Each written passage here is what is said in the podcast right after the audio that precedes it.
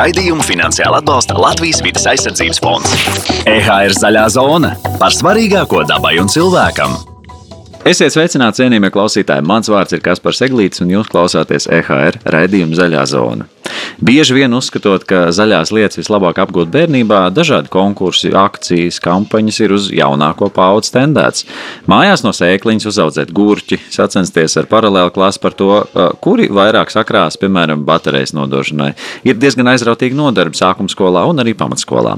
Bet kā no aizrautīga zaļa domājoša bērna kļūt par dabai draudzīgu jaunieti un vēlāk, protams, pieaugušo vai zero waste aktīvisti skolās tiek apsmieti vai uzlūkoti ar apbrīnu sarunu zaļajā zonā ar Lauru Treimani no Pasaules dabas fonda.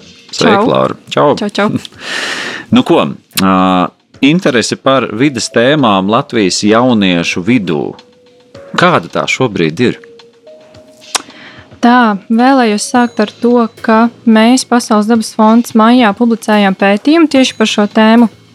Un, diemžēl nav īsti dati, ko salīdzināt, jo līdzīgi pētījumi iepriekš nav tikuši veikti. Bet uh, mēs noskaidrojam, nu, kaut kādas tendences jau tur. Jā, noteikti.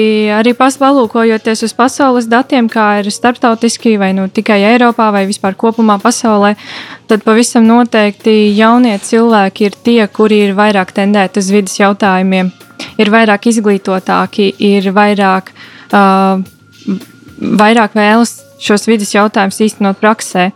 Un, uh, arī Latvijā noskaidrojās, ka pārliecinoši lielākajai daļai jauniešu rūp, kas notiek ar Latvijas nākotni, un rūp arī tas, ka Latvija gan valdība, gan arī sabiedrība iesaistās uh, gan lokālo, gan uh, globālo krīžu risināšanā.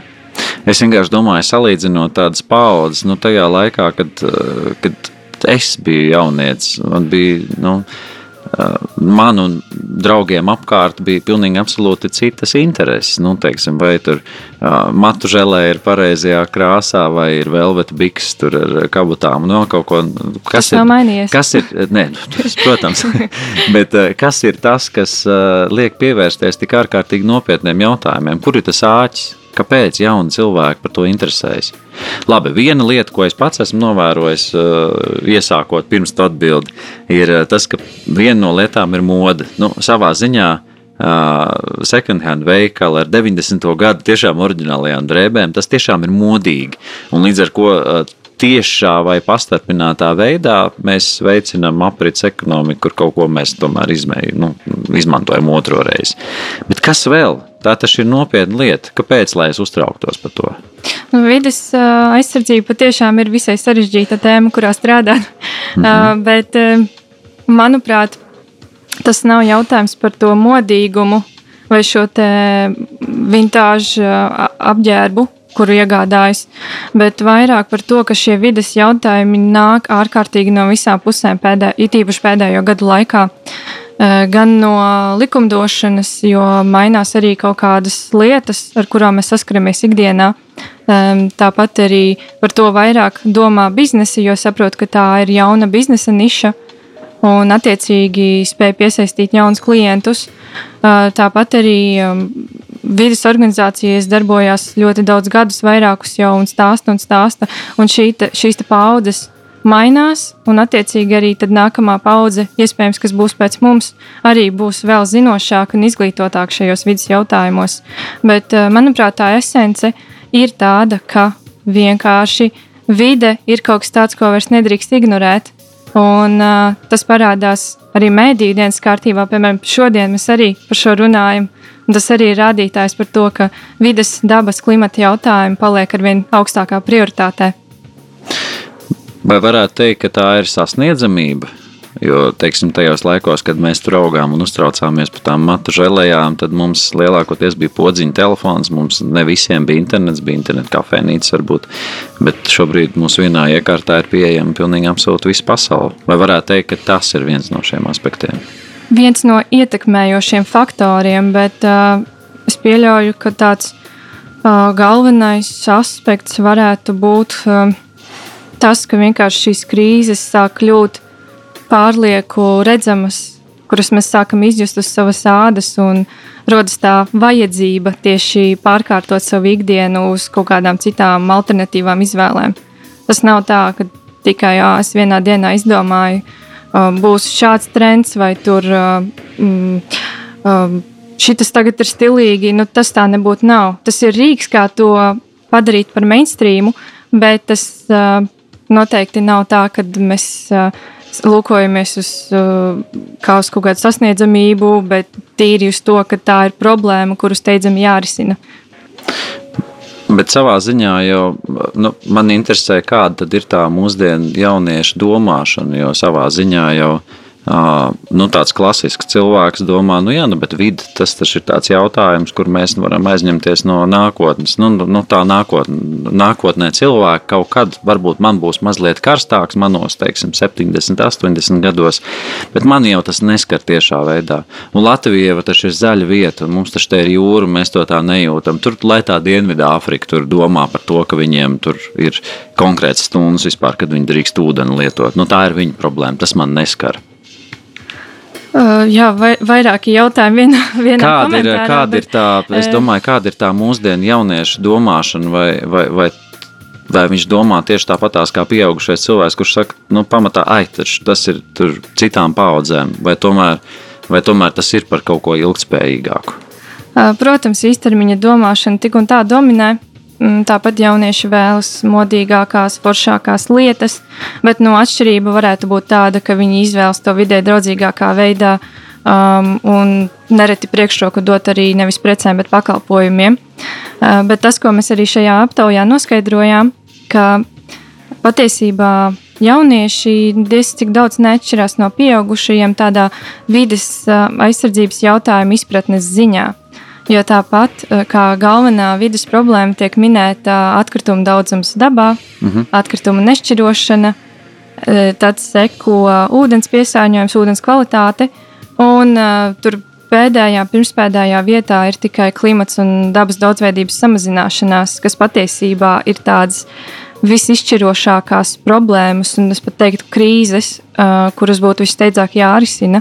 Un tas jau norāda uz to, ka mm, jauniešiem nu, patiešām trūkst tās dziļākas izpratnes par to, kādas ir steidzamākās, svarīgākās lietas, kuras būtu jārisina. Nu, kādā veidā viņiem šo izpratni veicināt? Kā ir ar skolām, piemēram? Nu, kādreiz taču bioloģija mācīja, bet ko, ko skolā šobrīd māca? Vai, vai, vai ir vidas padziļināta mācība vai kaut kas cits? Kā? Mm, vidējās izglītības standartā, kas ir pieejams viss mājaslapā, var redzēt um, šīs vadlīnijas, un tur ir vairākās vietās, ja nemaldos, 34 vietās pat pieminēts vārds ilgspēja. Tā kā mhm. uz papīra viss ir kārtībā, bet atšķirās. Bet realitātē. bet realitātē ir tā, ka vidēji tikai aptuveni 30% jauniešu uzskata, ka mācību iestādēs viņiem uh, pasniedza vai šobrīd pasniedz uh, dažādus vidas aspektus tikai labā un teicamā līmenī. Tas nozīmē to, ka uh, pārējie 70% tas ir tas mm, skaitlis, uz kuru jātiecas un jāuzlabo šī izglītība. Jo primāri tas ir jautājums par izglītību, neatkarīgi no tā, kādas paudzes pārstāvis tu esi. Bet tas ir darbs ar pasniedzējiem, darbs ar mācību spēkiem būtībā. Un ar jauniešiem. nu, jā, bet, teiksim, lai šo 70 skaitli izmainītu, jo viņi jau mācību spēki ir tie, kas savukārt var inicijēt jauniešos. Nu, tieši tā, tas ir jautājums par gribas spēku, arī par pašu pedagoģu izglītības celšanu. Kā ir ar to pētījumu? Nu, skaidrs, ka mēs zinām, ka Latvijā uh, dzīvo gan latvieši, uh, gan, gan latvieši, gan krieviski runājoši jaunieši. Uh, vai tur ir kaut kādas atšķirības, vai, vai caurmērā mēs to skatāmies kā uz vienu veselu?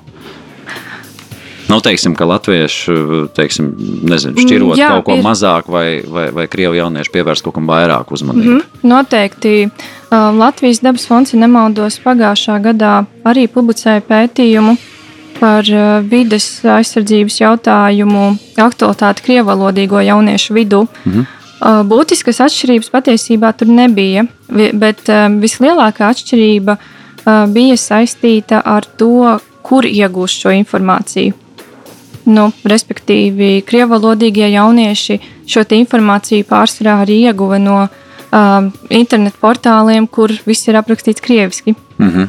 Tā arī ir tā vienīgā būtiskā atšķirība. Un latvieši tad vairāk? Uh, no sociālajiem tīkliem nu, un ziņu portāliem, draugi, ģimene. Tās rīcības, kas uh, jauniešu prātā, jūs droši vien viņiem esat prasījuši visvairāk raksturot to draudzīgo, vidē draudzīgo dzīvesveidu. Kas tas ir, ko viņi nosauc? Nu, teiksim, tāds klasisks jaunietis, kā viņš uzskata, kas tad ir tas, kas ir vidēji draudzīgs dzīvesveids? tās pirmās lietas, kas nāk prātā? Mēs nejautājām konkrēti par to, kādas ir viņu prātās numur viens vai top 5 rīcības. Nē, nu vispār, kas bet, dominē atbildēs? Jā, nu jautājām par to, ko viņi paši arī reāli dara. Un, nu, nekas pārsteidzo, pārsteidzošs, bet pirmajā vietā bija, ka sarunājas par vidas jautājumiem ar draugiem un ģimeni. Liel, lielākā daļa. Uh, otrajā vietā - jaunieši, piedod, jaunieši ir jā. tie, kas inicijē. Tad, tad jā. ir Ziemassvētku vakars, un, piemēram, tur mm, ir īstais laiks ar vecākiem parunāt par vidi, piemēram. Jā. Forši. Otrajā vietā ir tā saucamais preču boikots, kad mēs izvēlamies neiegādāties kādas, kāda, kādas konkrēti ražotāju preces vai pakalpojumus tikai tādēļ, ja tas neatbilst mūsu uzskatiem vai vērtībām. Ok, nopietni. Jā, un uh, trešajā vietā, protams, dalība vidas sakopšanas telkās. Tad seko mākslinieckā pašdarbība, kas patiesībā visai interesanti, ka mēs biežāk uh, runājam ar draugiem, kolēģiem, ģimeni par vidas jautājumiem vai, vai neiegādājamies kādus produktus, bet, un mazāk, teiksim, fiziski uzkopjam kaut kādas vietas. Un pēc tam, ceturtajā vietā ir brīvprātīgais darbs, ko arī diezgan daudz jaunieši dara brīvajā laikā. Ja brīvprātīgais darbs vispār ir tāda atsevišķa tēma, jo Latvijā kaut kā liekas, ka kā brīvprātīgais to var strādāt tikai un vienīgi, ja tu esi jaunietis, bet patiesībā pasaulē uh, ir pat nu, augstos amatos esoši cilvēki, kuri piesakās brīvprātīgam darbam, tā skaitā vidas jomās. Uh, lai tikai dabūtu šo ierakstu CV. Jo, lai nonāktu vēl augstākā amatā, tas tur tiek novērtēts, ka tu brīvprātīgi esi strādājis savas valsts vai dabas vai kaut kādas organizācijas labā. Tā kā nu, cerams, ka Latvijā tas no jauniešiem pāries arī, arī tādā nu, pieaugušo līmenī daudz izteiktāk. Diezgan, diezgan nopietni, vai vēl kas dominē? Kā ir ar atkritumu šķirošanu? Tā ir top divi svarīgākā problēma jauniešu prātā Latvijā. Mm -hmm. mm, es gan esmu nedaudz skeptiski noskaņota par to, ka mēs nostādām sabiedrībā atkritumu jautājumu tik augstā vietā, jo, kā jau iepriekš minēju, ir citi vidas jautājumi, dabas vai klimata, par kuriem kur ir tādi nu, steidzamāki un par kuriem būtu vairāk un vairāk jārunā. Bet es pieļauju, ka atkritumi ir kaut kas tāds nu, ļoti redzams.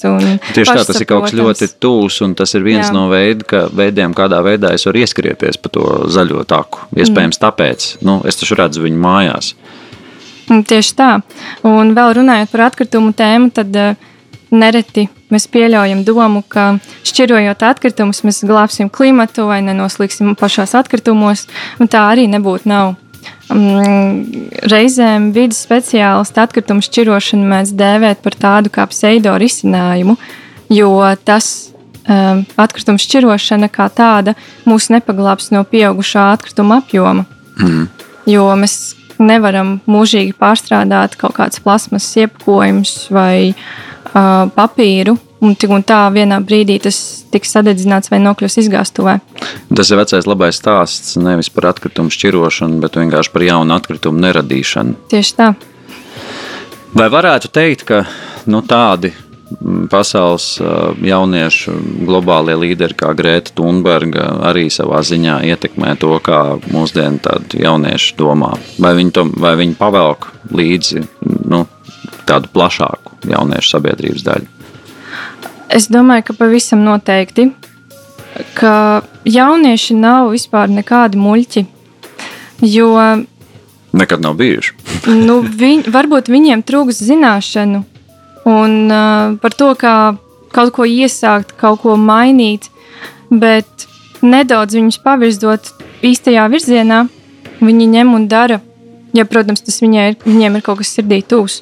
Un redzot šādu līderi kā Grētu Thunbergu, tad uh, arī Latvijā mm, kā jau jūs arī iepriekš runājāt ar Lieni, arī klausījos, mm, tad arī izveidojusies kustība. Joprojām darbojas, ik viens tur var iet, darboties, aktualizēt klimata jautājumus. Un tas ir lieliski. Ja šobrīd mūs dzird jauni cilvēki, kuri gribētu um, aktualizēt vairākus klimata jautājumus un iegūt padziļinātu teiksim, iespēju kaut kur piedalīties, kas būtu tās organizācijas, uh, ko viņi varētu tajā pašā internetā uzmeklēt, tepat Latvijā, kur viņi sastaptu tādus pašus jauniešus un iegūtu papildus informāciju? Nu, tādas pirmās, kas nāk prātā. Izcils jautājums. Paturpinot par šo pētījumu, mēs viņu veicām vienu tādu projektu ietvaros, kurš sauc Aizstāvības akadēmiju. Un šajā akadēmijā mēs nevis fiziski mācāmies, kā aizstāvēties, bet uh, mācāmies, kā aizstāvēt savu viedokli. Un, uh, mans mērķis, īstenojot šo projektu, ir tāds, ka līdzīgi kā spēlējot duraku, ja tev iedala labas kārtas, tad ļoti iespējams tu šo spēli arī uzvarēsi. Un arī šeit mēs cenšamies pasniegt visas tās nepieciešamās kārtas, lai jaunieši būtu pietiekami zinoši, kompetenti, um, līderiski un spētu argumentēti, pamatot aizstāvēt savu viedokli. Un tad viņi tur arī īsteno kopējus uh, interešu aizstāvības projektus, mācās, kā tad reālajā dzīvē tas viss notiek, jo galu galā um, tas ir tikai un vienīgi par un ap politiku aizstāvības akadēmija. Jā, saka, ja? jā. Tātad šādu projektu var internetā iegūt un, uh, un, un, un, un atrast un droši pievienoties. Jā. Vai vēl kaut kas nāk prātā? Labi, viens ir uh, Grētas Thunbergs kustība, kas, starp citu, ir Latvijā. Tur Jā. arī var pievienoties. Jā. Mm. Jau vairāk par atkritumiem, Zerovēs Latvija. Mm -hmm. Arī Dombietu grupa, ir, kur ir, ja nemaldos, 13,000 cilvēku no Latvijas biedrība, kurā darbojas visādi forši jaunieši, domu biedri. Nu, kas katrā ziņā jau apklāja diezgan, diezgan daudz, sākot no viedokļiem, beidzot ar zero waste. Runājot par zero waste, nu tad kā ir mūsdienu jauniešiem skolās, ja teiksim, kāds ir pievērsies ļoti pastiprināti vai zero waste kustībai, vai teiksim, kļūst par vegānu, vai, vai visādi citādi, teiksim, tur kaut kā zaļi, zaļi dzīvo. Vai tas šobrīd skaitās stilīgi, vai pārējie noskatās uz to kā ar tādu smīnu? Kā tev šķiet? Es domāju, ka tas varētu būt stilīgi, bet ne tādā izpratnē, kā mēs varētu iedomāties, kad kādā brīdī tas viss pāries. Um, es domāju, tas varētu būt tāds kā sākums kaut kam lielākam, ka tas sāk kļūt par pamazām par tādu sabiedrībā vispār pieņemtu normu, ka mēs piedomājam pie katras rīcības, kā tas ietekmēs vidi. Vai Latvijā šobrīd ir kādi veidi, kā jauniem cilvēkiem tiek iedota balss, lai viņi varētu runāt teiksim, arī valstiskā līmenī ar politiķiem, ar dažādu institūciju pārstāvjiem? Pavisam noteikti, bet trūks jau to zināšanu atkal, un ir cits pētījums, kurā atklājās, ka aptuveni 20% viena piektā daļa no jauniešiem ka viņiem ir tāda pilnvērtīga izpratne par to, ko nozīmē būt pilsonim, pilsoniski aktīvam. Tajā pašā laikā 57% atklāja to, ka viņiem ir visas iespējas iesaistīties pilsoniskās aktivitātēs, bet tikai neliela daļa arī to ir darījuši. Um, respektīvi, tie ir ap 20%. Un, uh, Kāpēc neliela daļa? Trūkst to prasmju, ko mēs mācām aizstāvības akadēmijā par to, kā tas ir jādara, kā jārunā ar e, ierēģiem, politiķiem. Bet vai faktiski ir vienkārši tāda iespēja, ka es Pavisam tagad, noteikti. Jebkurš... Mēs esam desmit cilvēku grupa, mēs gribētu doties, teiksim, pie, nezinu, kādu no ministriem un, un izteikt savu viedokli. Vai jauni cilvēki to var darīt? To var darīt jebkurš Latvijas pilsonis. Jebkurš. Uh, it īpaši, piemēram, tagad, uh, tuvāko nedēļu laikā, uh, tiks izsludināta sabiedriskā apspriešana klimata likumam Latvijā. Mm -hmm. Un arī tur var piedalīties pilnīgi jebkurš. Un pat nav vajadzīgas nenormālas kaut kādas priekšzināšanas. Galvenais, ka tev rūp klimats un tu izsaki savu viedokli, ka tev, ka tev rūp klimats un es vēlos klimatneutralitāti Latvijā. Pirms tam mēs runājām par dažādiem komersantiem, nu, kas arī iet līdzi šiem trendiem. Teiksim, es zinu, veikals, kas piedāvā uh, iemainīt savas uh, iepriekšējās drēbes, pieņemsim, nu, pret jaunām, iegūstot atlaidi. Vai tagad, protams, visur mēs maksājam par maisiņiem papildus, lai vienkārši paņemtu nu, drēbes kā tādas. Um, bet šajā visā pasaulē skaidrs, ka tad, kad ir kaut kas modīgs, tad pastāv arī diezgan daudz. Uh, nu, neīstas zaļās lietas. Pats es ievēroju, ka vienu brīdi visur bija eko un bio uz pārtiks, lai arī tev īstenībā nekas nav, tas ir tikai un vienīgi nosaukums. Kā ir, vai mūsdienu jaunieti var šāda veida maldināšanai pakļaut, vai mēs jau varētu teikt, ka jaunieši kopumā ir diezgan zinoši par to, kas tad ir uh, īsti zaļš un kas nav? 50-50. nu, jā, tas, tas ir atkal atkarīgs no tā, cik zinoši tu esi par, par šo. Bet nu, es tā baigi neteiktu, ka jaunieši būtu vairāk vai mazāk izglītoti par to, ko nozīmē ekoloģisks produkts un neekoloģisks. Um, Nē, vienkārši skaidrs, ka, nu, kad jeb, jeb par kuru trendīgu lietu parādās, nu, tas ir tāpat kā tagad, tur, nu, tagad jau pat vairs nē, bet vienā brīdī modē ir joga. Uh, un cilvēki iet un visi jogo, bet ļoti daudz nemaz. Klau, kad tad uh, veselīgs dzīvesveids ir izkritis no modes? nu, nu, kaut kādu brīdi, man liekas, ka uh, kaut kādā 2000. gadā, kad visādas ātrās ēdināšanas ķēdes un vēl viss kaut kas visiem cilvēkiem parādās naudu, un mēs visi caurmērā sākam dzīvot labāk, tad tas veselīgais paiet varbūt kaut kur otrajā kārtā. Bet vienkārši vienā brīdī viņš ir baigā pīkā augšā, un, un pēkšņi visās pasaules malās ir jogas pasniedzēji, un visi tev kaut ko māca, bet skaidrs, ka ne visi var būt skolotāji. Un tieši tāpat tās arī ar šīm precēm. Mm, jā, es vispār savu bakalauru rakstīju par zaļmaldināšanu. Uh, tur bija ļoti interesanti. Pastāst. Uh, jā.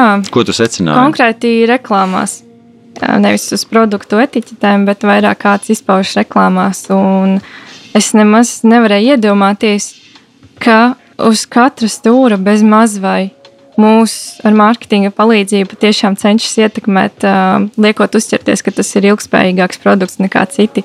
Nu, iedod piemēru. Nu, labāk nē. Nē, tu vari neminēt konkrētu zīmolu. Vienkārši. Uh, jā, nu labi, piemēram, kosmētikas ražotājs um, uz iepakojuma viss zaļš, smukas lapiņas, eh, dabīgs, simtprocentīgi. Viss ok, bet tas nenozīmē vēl, ka šis produkts ir ekoloģisks vispār. Un eh, ir šī te, eh, tiešā un netiešā maldināšana, kur tiešā veidā pasaka ekoloģisks, un netiešā veidā, piemēram, ar šīm zaļo krāsu lapiņām, un tam līdzīgi, kas var radīt tādam vidējam patērētājam iespaidu par to, ka produkts ir patiesībā ilgspējīgs. Kas Bet, vēl ir spilgtākie piemēri? Man vienkārši man, man, man kļūst ļoti interesanti, mm. jo skaidrs, ka mēs jau visi dzīvojam no nu, kapitālisma sabiedrībā, un reklāma ir viena no tām lietām, mm. ko mēs gribam vai negribam sastopam ielās.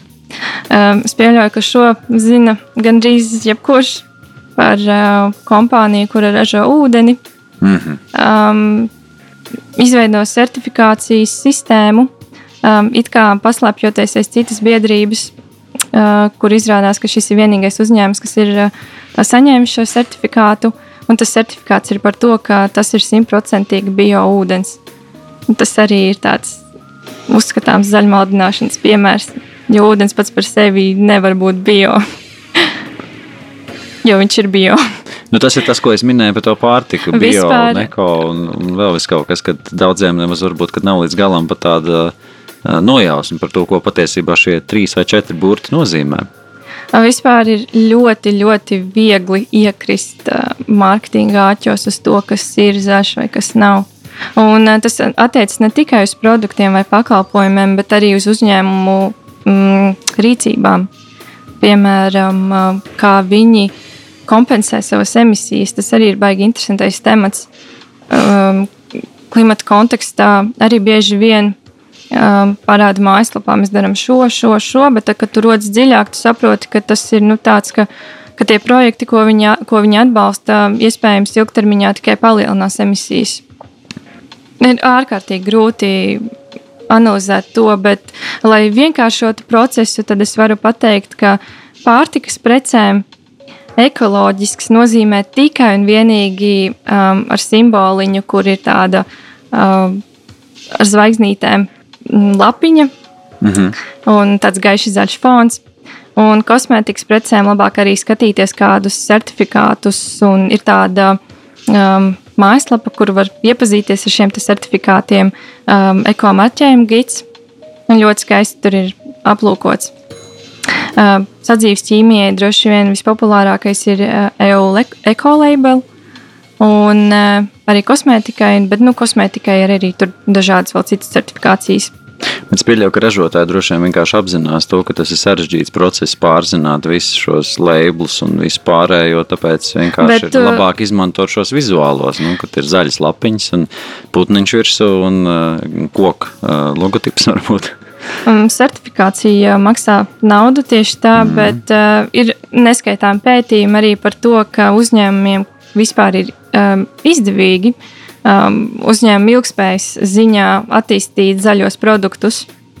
Um, un, uh, jā, tādi netiešie norādījumi uz to, ka produkts ir zaļš, patiesībā ir pretlikumīgi un tā tam nedrīkstētu būt.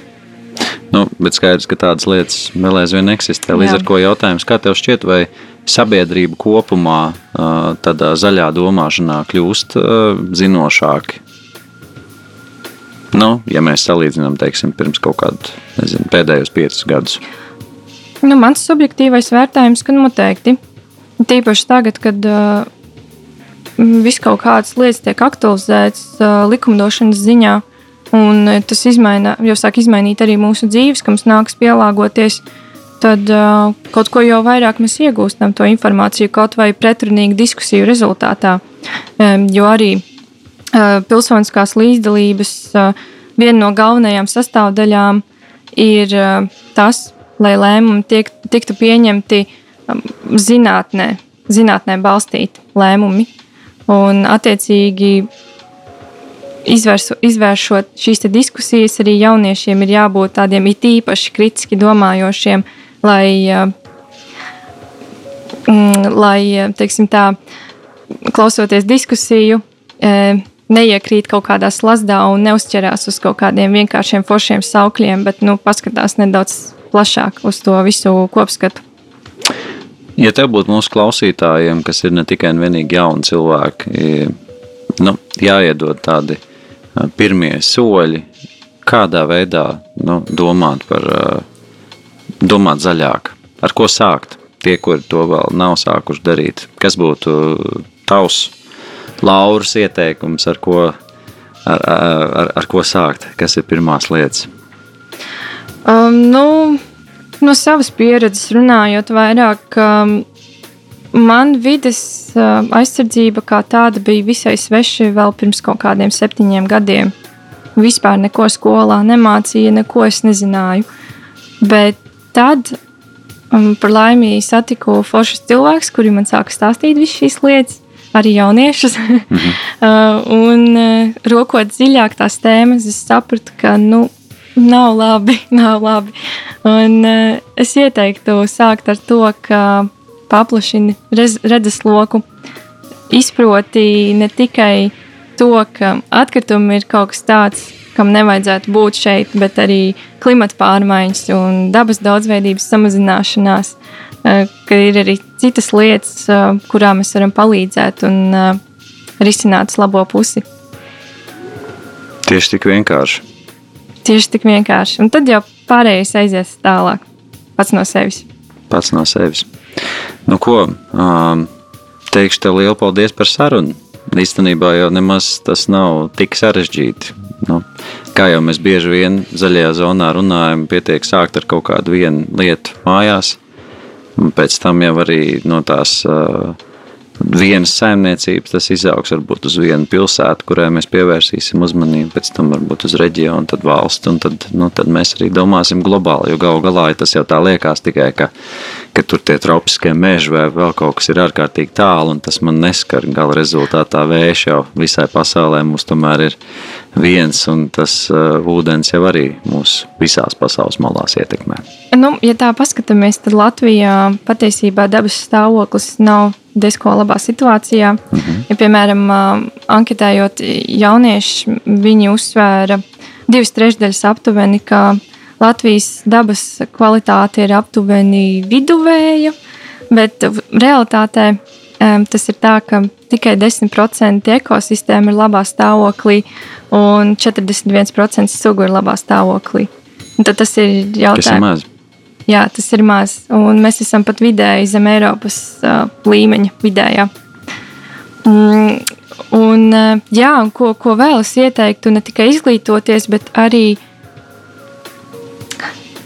sākt ticēt saviem spēkiem, um, ietekmēt kaut kādus procesus, norises, uh, varbūt ne valstī, bet kaut vai vietējā apkaimē, iestājoties apkaimes biedrībā un parūpējoties par kādu dabas aizsardzības mazu lietiņu tur, arī ar to var sākt. Jā, un ne tikai galvaspilsētā, visā Latvijā. Tieši tā. Nu, ko, um, lai mums visiem labāk un zaļāk nākotne. Pamazām, maziem solīšiem, ceru, ka izdosies. Teikšu lielu paldies tev par sarunu.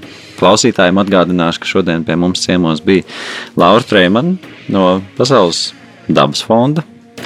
Un, lai mums visiem brīnišķīgi atlikusī vasara. Paldies! Tā. Raidījumu finansiāli atbalsta Latvijas vidas aizsardzības fonds.